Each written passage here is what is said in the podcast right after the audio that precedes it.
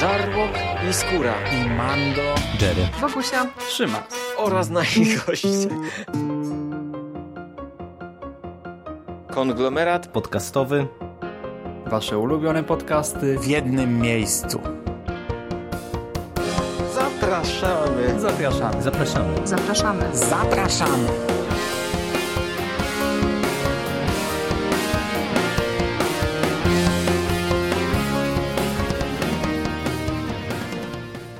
Witam Was wszystkich bardzo serdecznie w kolejnym odcinku konglomeratu podcastowego. E, dziś zapraszam Was na e, krótkie omówienie tegorocznej edycji festiwalu Fest Macabre. Przegląd Fest Macabra e, w tym roku powrócił już z czwartą edycją. Można było zobaczyć e, cztery e, wybrane w tym roku przez Kinoświat filmy na wielu maratonach halloweenowych, głównie w kinach Helios. Pojawiają się te filmy również jeszcze teraz w listopadzie w różnych kinach studyjnych. E, no i cały czas e, jakby dochodzą jakieś tam nowe miejsca pokazów, więc polecamy Wam śledzić stronę Fest Macabry, mm, e, tak żeby ewentualnie się załapać na jakiś seans. Między innymi u mnie w Poznaniu wiem, że w tej chwili przez cały listopad są prezentowane te poszczególne filmy w każdą niedzielę. Czyli można jeszcze zobaczyć, a jeżeli nawet się nie załapiecie na e, seanse kinowe, e, to e, pewnie po wyjściu tych, tych filmów z kin, Kinoświat tradycyjnie puści je na swoje VOD, gdzie można je będzie zobaczyć, a powiem Wam, że tegoroczna edycja Fest Macabry to spoilerując nieco swoją opinię z podcastu, kolejna udana edycja. To, co się e, od razu e, może rzucać w oczy, e, jak się tylko spojrzy na cztery wybrane tytuły, to dwa elementy, które dla mnie są rzeczą bardzo fajną i bardzo się cieszę, że w taką stronę tutaj Kinoświat się udał. A mianowicie chodzi mi o to, że cała czwórka wybranych tytułów to filmy z 2019 roku. E, to są naprawdę świeżynki. E, jeden z nich, e, czyli Ekstaza, to jest w ogóle film, który zadebiutował chyba w Stanach Zjednoczonych we wrześniu, czyli tak naprawdę no, w zasadzie miesiąc przed polskimi pokazami. Także e, tutaj dzięki e, festiwalowi możemy zapoznać się z czterema nietuzinkowymi e, tytułami z konwencji horroru, z konwencji grozy, świeżynkami, co zawsze jest cenne, że nie mamy tutaj do czynienia z jakimiś, wiecie, odgrzewanymi kotletami, tylko, tylko dostajemy taki swoisty przegląd tego, co się w horrorze w tej chwili robi, co w tej chwili w horrorze powstaje.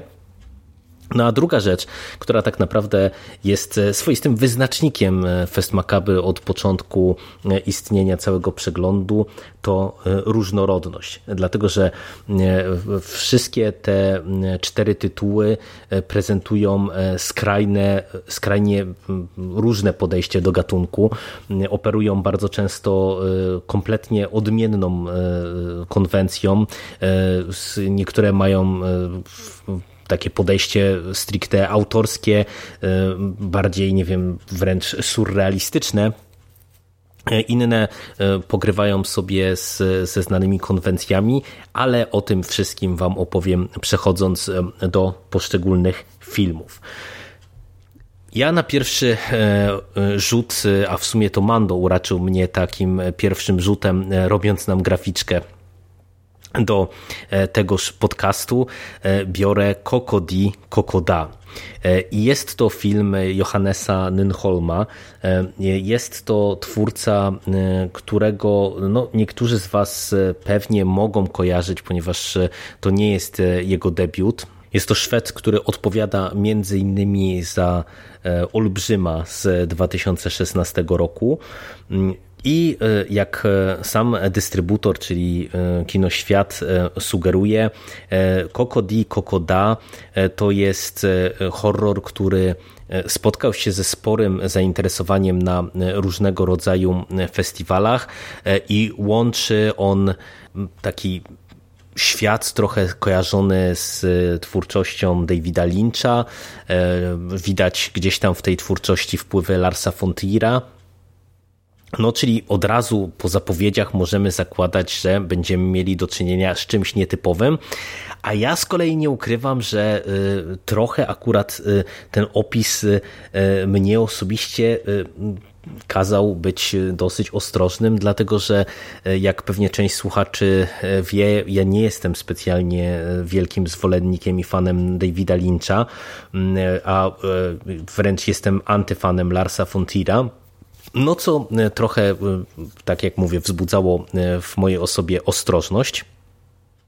Natomiast siadłem do seansu trochę nie wiedząc tak naprawdę e, czego e, mam się spodziewać, e, no bo można powiedzieć, że ten króciutki opis, który nam Fest Macabra serwuje za wiele nie zdradza. Punkt wyjścia jest e, teoretycznie znany. Mamy e, małżeństwo Tobiasa i Elin, e, którzy mm, po tym, jak spotkała ich śmierć dziecka kilka lat wcześniej, wyruszają pod namiot aby, nie wiem, trochę odpocząć, e, gdzieś tam się zresetować i, i spróbować podreperować e, rozpadający się związek. No ale zamiast spokoju będą się musieli zmierzyć z jakimiś tajemniczymi postaciami, które no najzwyczajniej w świecie ich terroryzują. No i e, to, że będziemy mieli do czynienia z dziełem e, nietuzinkowym, e, to widać już od pierwszej otwierającej sekwencji, kiedy to do taktów piosenki, jak się okazuje, Koko di Koko da, bo to te słowa powtarzają się w piosence. Mamy zaprezentowaną właśnie tą grupę, jak się później okazuje, oprawców, która wygląda jak e, z jakiegoś cyrku, jak z jakiejś, nie wiem, baśni dla dzieci, trochę mrocznej. Mamy jakiegoś takiego faceta w meloniku, który wygląda jak właśnie taki konferencjer cyrkowy. Mamy jakiegoś olbrzyma, który taki, wiecie, wygląda trochę jak taki wioskowy głupek i jakąś taką e, dziewczynę, która, nie wiem, wygląda jak e, prawie że obłąkana. I oni witają nas w tej sekwencji otwierającej w takim dziwnym pochodzie. Gdzieś tam w tle y, widzimy białego kota. No, od razu y, możemy poczuć, że y, będzie to coś nietuzinkowego. Przenosimy się później właśnie do naszego małżeństwa. Mamy tu krótkie podprowadzenie. Widzimy, jak dochodzi do tego śmier do śmierci dziecka. Przenosimy się trzy lata do przodu. E, no i rozpoczyna się e, jakby ten swoisty festiwal przemocy. I e, powiem Wam otwarcie, że Kokodi Kokoda jest przykładem na kino tyleż nietuzinkowe, co do mnie niekoniecznie trafiające. E, ja e, jakby jestem w stanie zrozumieć, że e, właśnie dla fanów takiego bardziej odjechanego kina autorskiego, dla fanów chociażby właśnie wzmiankowanych wcześniej twórców, to może być nie lada gratka. Natomiast e, dla mnie ten seans był e, no, dosyć e, mocno nieprzyjemny. Po pierwsze, dlatego, że mm, tutaj Johannes Nyholm obrał sobie mm, taką metodę twórczą, idąc w bardzo mm, mocny naturalizm przedstawienia tych wszystkich sekwencji, które tutaj widzimy, prowadzenia całej tej opowieści zestawiony e, no właśnie z takim e, z taką, nie wiem, jakąś baśniowością, jakąś, e, jakąś stroną fantastyczną, co jest z jednej strony właśnie mocno nieprzyjemne, a z drugiej strony daje nam jakieś takie surrealistyczne poczucie, surrealistyczne efekty, no bo no, mamy coś, co jest kompletnie nieprzystające do rzeczywistości, co z kolei jakby oddziałuje na naszych głównych bohaterów w sposób taki, który nie wiem, byśmy mogli kojarzyć z jakimiś takimi bardzo brutalnymi thrillerami, czy, czy, czy jakimś, nie wiem, prawie że no, kinem spod znaku takiego horroru psychologicznego. I e, nie mogę odmówić filmowi siły oddziaływania, dlatego że mm, ten motyw tego rozpadającego się związku po straty dziecka nie jest może nowy. E, on jest przecież w sumie i nawet w horrorze dosyć często e, eksploatowany.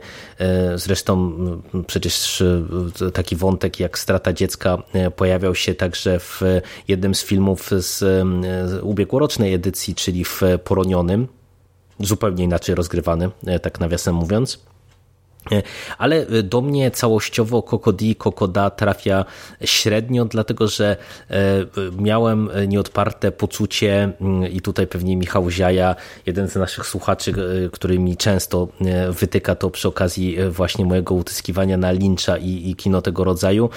Mamy do czynienia z przerostem formy nad treścią, bo mam nieodparte wrażenie, że mm, Nyholm miał coś do powiedzenia, co wcale jakoś specjalnie odkrywcze y, mi się nie wydaje a skomplikował to i zaprezentował to w taki sposób, że e, tak jak byłem początkowo bardzo mocno zaintrygowany, tak e, po seansie e, czułem się raczej zmęczony i mm, no, całościowo nieprzyjemnie mi się ten film oglądało. Przy czym, żeby była jasność, to jest dobry film. Nie bez powodu między innymi on się pojawił na festiwalu w Sundance i myślę, że nie bez powodu on się spotyka z ciepłym przyjęciem na wielu festiwalach, dlatego że to jest ten rodzaj kina autorskiego, który na pewno znajdzie wielu swoich amatorów. No i jeżeli szukacie czegoś bardzo nietypowego w podejściu do e, kina grozy, no to zdecydowanie po Kokodi Kokoda e, powinniście sięgnąć i e, tym filmem się zainteresować. Drugim tytułem, który na, w, w, ramach przeglądu e, Fest Macabra jest i czy był prezentowany, e, jest Godzina Oczyszczenia. Kino skrajnie, skrajnie inne od tego, e, który omawiałem wcześniej. E, jest to tytuł, który jest e, swoistym rozwinięciem shorta Damiana Leweka, rozwinięciem także spod jego ręki, dlatego że on w 2006 roku wypuścił short sfinansowany e, na Kickstarterze mm, i ten pomysł tak naprawdę no, rozwinął w tej chwili właśnie do pełnego metrażu. E, mówię, że jest to podejście skrajnie inne, dlatego że tutaj mm, Damian Lewek, który nie, nie tylko jest e, reżyserem, ale także jest scenarzystą czy współscenarzystą tego filmu, podchodzi e, do mm, e, kina grozy w zupełnie inny sposób. To jest horror e, z jednej strony rozrywkowy, z drugiej strony horror, który stara się w pewien sposób pogrywać z konwencją, z dosyć taką, no już od można powiedzieć, od, od paru lat nawet jakoś tam skostniałą konwencją kina o opętaniach, o nawiedzeniach. Wiecie, no, mamy te fale i, i tak jak, nie wiem, chociażby po egzorcyzmach Emily Rose mieliśmy wysyp tych wszystkich egzorcyzmów kogoś tam i te filmy w dużej mierze mm, są do siebie bardzo zbliżone, bardzo podobne, one oferują podobny rodzaj doznań. Tutaj Damian Lewek mm, idzie w nieco inną stronę, łącząc e, tak naprawdę czarny humor, e, elementy e, komediowe z elementami dramatycznymi, z sekwencjami mm, gore nawet i to daje dosyć zaskakujący efekt. Punktem wyjścia w godzinie oczyszczenia jest e, program telewizyjny, czy raczej internetowy program prowadzony przez e, ojca e, Maxa. Księdza teoretycznie, który w tymże na tym internetowym swoim kanale właśnie w trakcie tej godziny oczyszczenia prezentuje na żywo egzorcyzmy. Szybko okazuje się, że Max wcale nie jest ojcem, nie jest kapłanem, nie ma żadnych uprawnień do bycia egzorcystą, tylko jest wspierany przez swojego kolegę Drew, który wyszukuje mu, wiecie, różne ciekawostki o demonach i tak naprawdę oni inscenizują w trakcie tej godziny różnego rodzaju egzorcyzmy, sprzedają merch różnego rodzaju związane z, ze swoim kanałem i tak dalej, i tak dalej. No i pewnego e, pięknego razu okazuje się, że e, w trakcie tej godziny e, oczyszczenia, kiedy są na wizji, dochodzi do prawdziwego opętania. Zostaje opętana dziewczyna Drew, która wcieliła się jako aktorka właśnie w teoretyczną ofiarę opętania, tym razem prawdziwą ofiarę opętania. No i nagle okazuje się, że nasi panowie muszą się zmierzyć z, z prawdziwym problemem, z do którego nie są przyzwyczajeni, nie, nie są przyzwyczajeni, e, nie są przygotowani także. No i mają godzinę, aby e, poradzić sobie z e, prawdziwym demonem.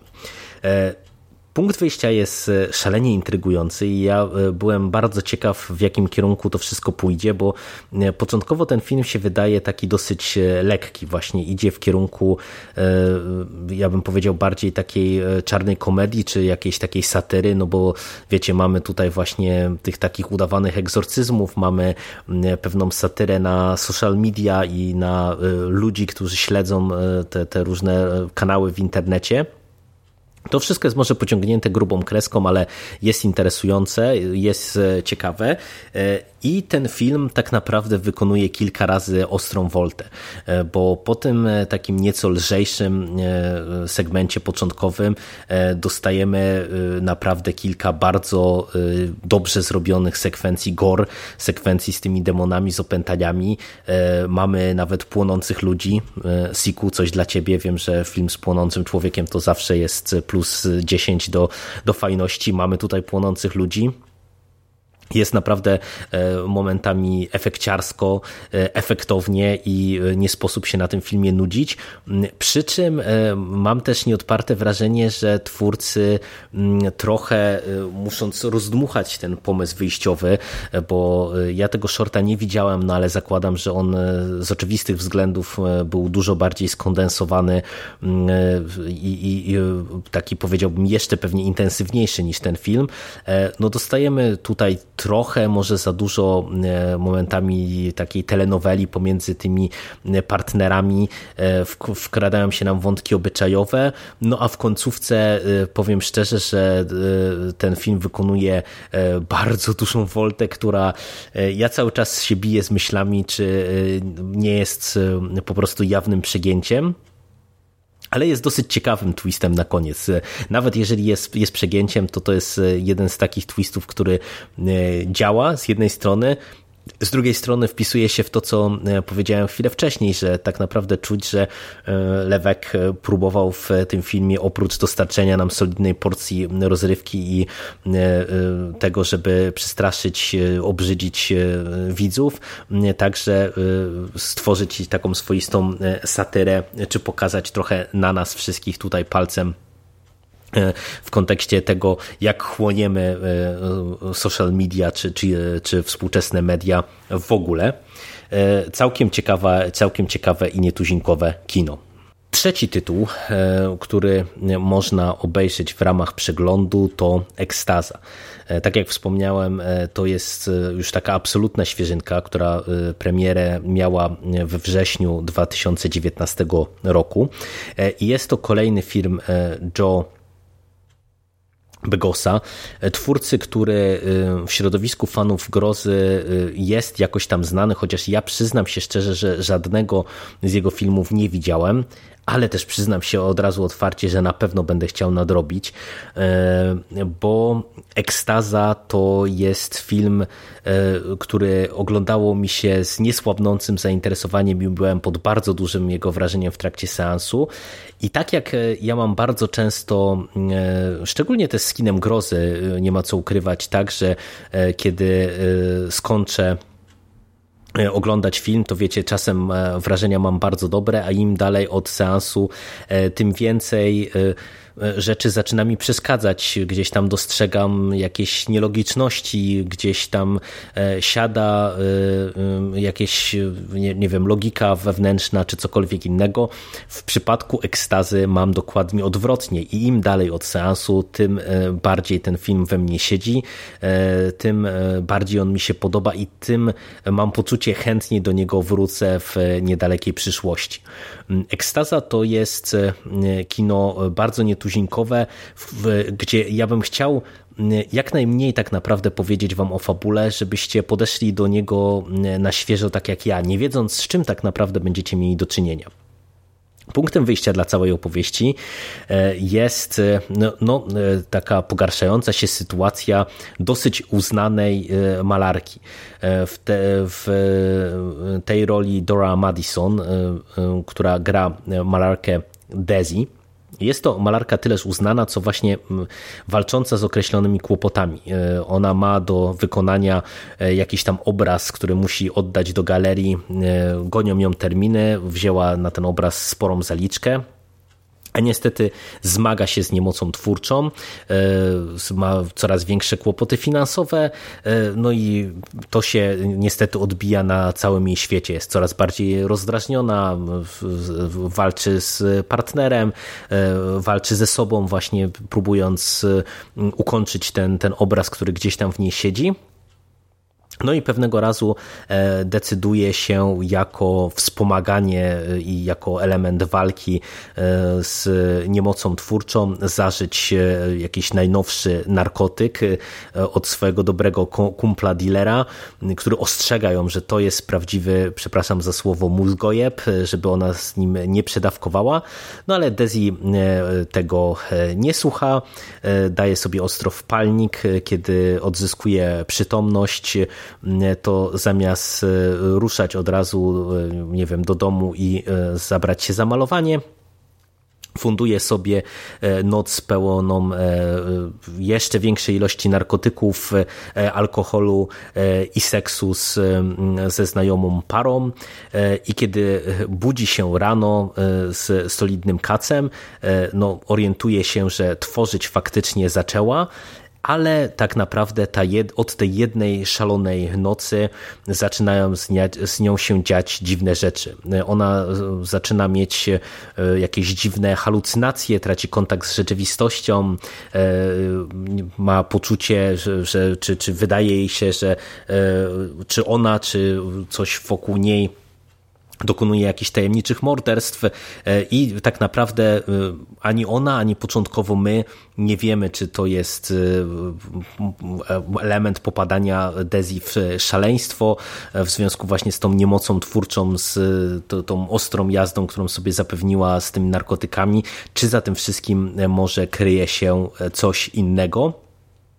I e, rozwiązanie zagadki e, jest nietuzinkowe. Ja bym pewnie mógł je zdradzić, bo tak naprawdę to nie jest też coś takiego, e, czego, co, co by popsuło wam zabawę. Natomiast, a nie zdradzę wam. Miejcie fajne zaskoczenie w trakcie seansu. Ekstaza to jest kino, które teoretycznie e, nie powinno mi się spodobać, dlatego że mm, to jest e, film, który jest nakręcono, nakręcony w taki powiedziałbym agresywny sposób, czy nawet nie tyle e, nakręcony, co zmontowany w agresywny sposób. Mamy tutaj bardzo dużo mm, świetnej zresztą muzyki rockowej, metalowej, jakichś takich różnych nietuzinkowych wyborów muzycznych mamy naprawdę mnóstwo.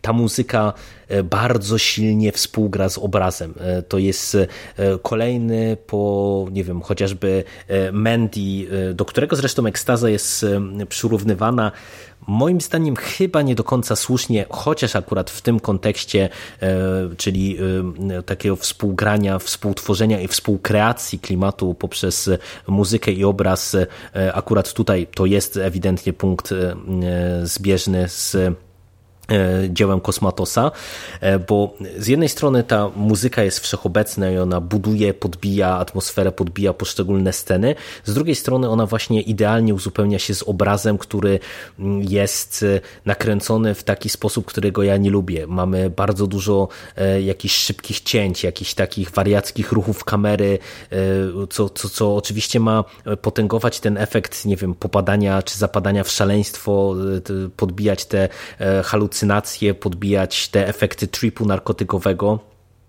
i mnie bardzo często tego rodzaju zabiegi w kinie męczą. Dość powiedzieć mój sztandarowy przykład, czyli e, fatalny taniec umarłych e, z Masters of Horror, gdzie po prostu e, montażysta tam zdecydowanie za dużo ćpał chyba w trakcie plecenia te, całości tego filmu.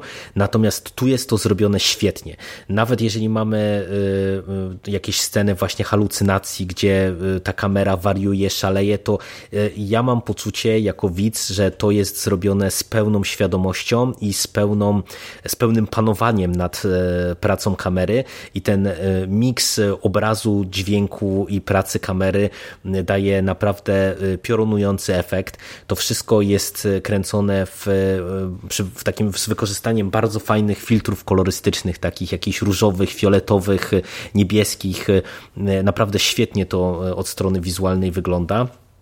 A do tego film ma dwa elementy, które trzeba e, wyróżnić moim zdaniem. Po pierwsze aktorstwo, bo to co robi e, Dora Madison e, w roli głównej, w roli Desi, to jest dla mnie jakieś mistrzostwo świata.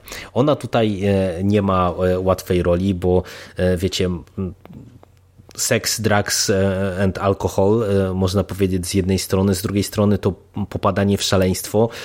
Ona gra naprawdę całą sobą i e, przez to ta postać jest szalenie wiarygodna. E, bardzo mi się ją fajnie śledziło na ekranie. E, fantastyczna kreacja i naprawdę bardzo, bardzo duże oklaski dla tej aktorki.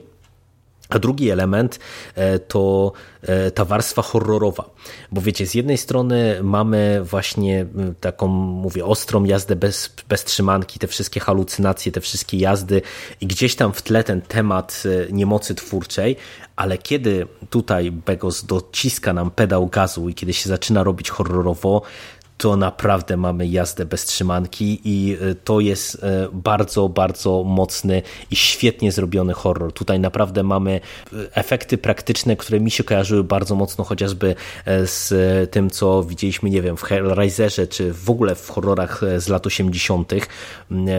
Na marginesie to, to jest trochę tak, że ten film w ogóle przez sposób nakręcenia, przez filtry, przez sposób kadrowania, on wygląda momentami jak po prostu taki właśnie dzieciak lat 80., ale to po prostu naprawdę robi piorunujący efekt.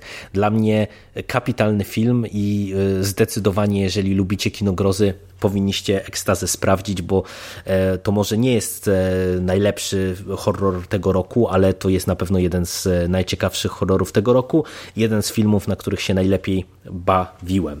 Świetna sprawa. I na koniec film numer 4, czyli Dziewczyna z trzeciego piętra. Ponownie zupełnie inne kino od e, wszystkich pozostałych e, tytułów, które tutaj sobie wymieniliśmy. Jest to dzieła Travisa Stevensa, który nie ma tak naprawdę za sobą jakiegoś dużego portfolio. W rolach głównych występuje CM Punk, e, czyli e, gość, który jest znany głównie chyba fanom wrestlingu, e, ale pojawia się także w dosyć ważnej roli Trista Kalidan, którą ja najbardziej kojarzę z Banshee, gdzie grała Siobhan Kelly i była fantastyczna. Już samo to e, gdzieś tam mnie ucieszyło. E, I tak jak e, Godzina Oczyszczenia była swoistą wariacją na temat kina o egzorcyzmach, tak Dziewczyna z trzeciego piętra jest swoistą wariacją o nawiedzonym miejscu. Mam wrażenie, że jest to tytuł dosyć nierówny, ale to jest jeden z przykładów I to jest kolejny przykład, tak naprawdę już w tym roku, horroru, który pokazuje, jak świetne operowanie przestrzenią potrafi zbudować klimat. Tutaj punktem wyjścia jest przeprowadzka do domu gdzieś tam na przedmieściach. Nasz główny bohater, grany przez CM Punka, E, który e, ma na imię Don, przeprowadza się wespół z partnerką, wespół z żoną e, do, no, do domu na przedmieściach, tylko on, zanim jego ciężarna małżonka się na te przedmieścia z nim przeniesie, postanawia dom wyremontować. Dom, który jest w złym stanie, który no gdzieś tam cieszy się jakąś niezbyt dobrą sławą.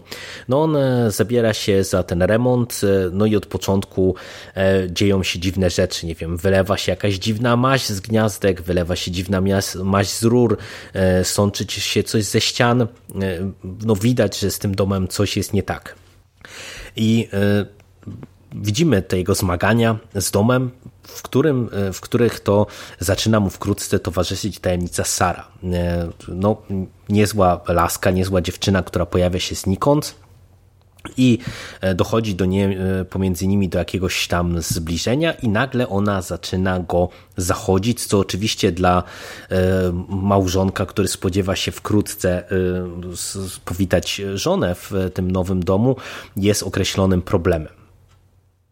Tak jak wspomniałem, e, dziewczyna z trzeciego piętra to jest wariacja na temat e, złego miejsca czy nawiedzonego domu.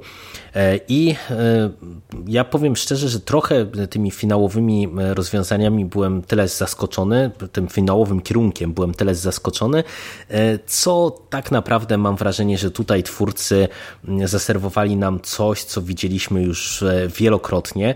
Dlatego moim zdaniem dziewczyna z trzeciego piętra to jest ciekawa rzecz, ale to jest taki solidny średniak. To nie jest film, który zapadnie wam w pamięć na długo.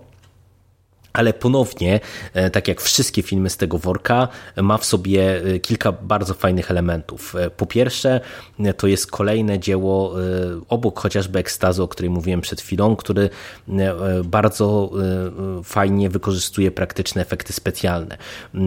Y, bo tutaj mamy sporo e, sekwencji od któregoś momentu e, takich prawie, no nie wiem, kojarzonych z body horrorem, e, czy jakichś takich no bardzo niepokojących, dziwnych rzeczy i to jest zrobione naprawdę fantastycznie. Do tego e, podoba mi się, jak tutaj twórcy rozgrywają przestrzeń. No bo wiecie, w opowieściach o nawiedzonym domu, o nawiedzonym miejscu, czy jakimś złym miejscu, to jest zawsze ważne, e, żeby umieć tą przestrzeń zagospodarować. I tak jak ja chwaliłem e, Aleksandra Adre przy okazji pełzającej śmierci, gdzie tam tak naprawdę ten dom był zaprojektowany tak, żeby jak najwięcej z tej przestrzeni wycisnąć, tak tutaj też twórcy całkiem nieźle sobie radzą, aby Tą, tą przestrzenią tutaj sobie pokrywać. Ten dom jest klimatyczny, jest e, dobrze właśnie rozgrywany. Mamy, nie wiem, wiecie, sporo jakichś luster, sporo jakichś dziwnych niepokojących elementów, które potrafią budować atmosferę e, i ja całościowo bawiłem się nieźle. Tak jak wspominam jeszcze raz, nie jest to horror, który gdzieś tam zapadnie wam w pamięć i mnie osobiście właśnie trochę ten finałowy kierunek rozczarował, bo spodziewałem się mimo wszystko czegoś mocniejszego, czegoś mniej typowego, ale to jest naprawdę solidna porcja rozrywki. No i cóż, wypadałoby podsumować w tym momencie y, nie tylko ten film, ale i całą edycję. Nawet jeżeli zdarza mi się na y, takie kokodi, kokoda narzekać, nawet jeżeli y, nie do końca trafiła do mnie dziewczyna z trzeciego piętra, to każdy z tych filmów ma w sobie coś do zaoferowania.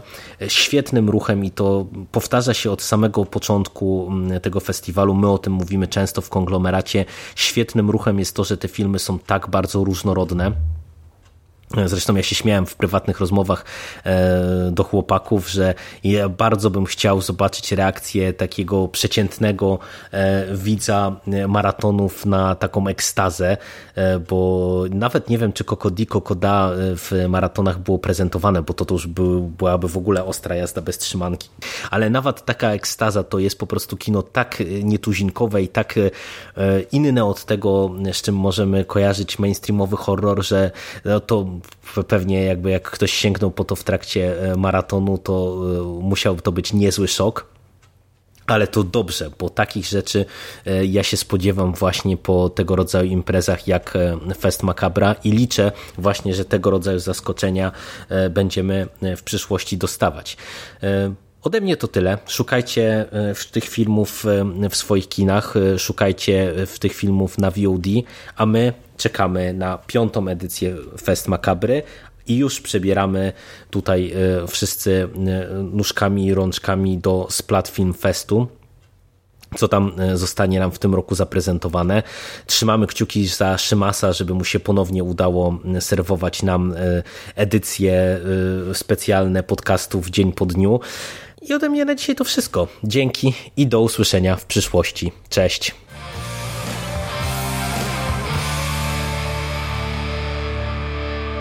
Finished? That's it, man. Game over, man. It's game over. What the fuck are we gonna do now? What are we gonna do? It's over. Nothing is over! Nothing! You just don't turn it off!